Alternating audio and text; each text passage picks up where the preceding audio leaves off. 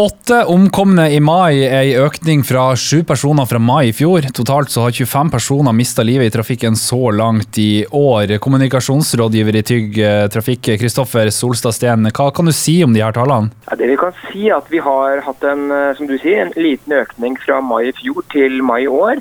Samtidig så har vi en nedgang hvis vi ser hele året under ett, sammenligna med året før igjen. Så det er jo en, en bedring over tid. Samtidig så skulle vi ønske at det var eh, flere som overlevde trafikken i, i mai. Og vi vet også at vi går inn i en periode hvor det ofte skjer alvorlige trafikkulykker, altså på sommeren. Hvem er det som eh, omkommer i trafikken? Det er som regel menn fortsatt. Men det er også menn som har hatt en eh, størst nedgang i år. Så det er jo bedring å se. Men, er, men, fortsatt er det menn som utgjør den største andelen av de som mister livet i trafikken.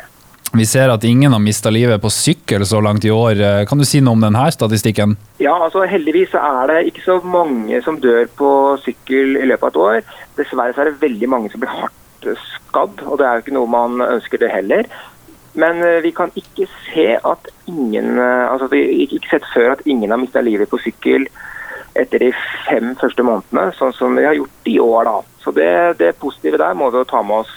Vi har kommet inn i juni nå, og det betyr for mange sommer og sommerferier. Hva, hva forventes egentlig nå når det gjelder trafikken om sommeren? Dessverre så er trafikken på sommeren eh, litt av den dystre sorten.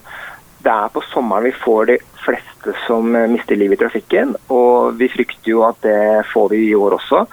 Det er nok mange som skal ut på veiene i år som har sittet hjemme veldig lenge og skal besøke steder de ellers kanskje ikke ofte er. Det er fint vær, man er avslappa, tenker seg kanskje ikke så, så, godt om, blir uoppmerksom, og plutselig så kan det skje en alvorlig ulykke. Så det er det vi, eh, det vi frykter i tiden framover nå.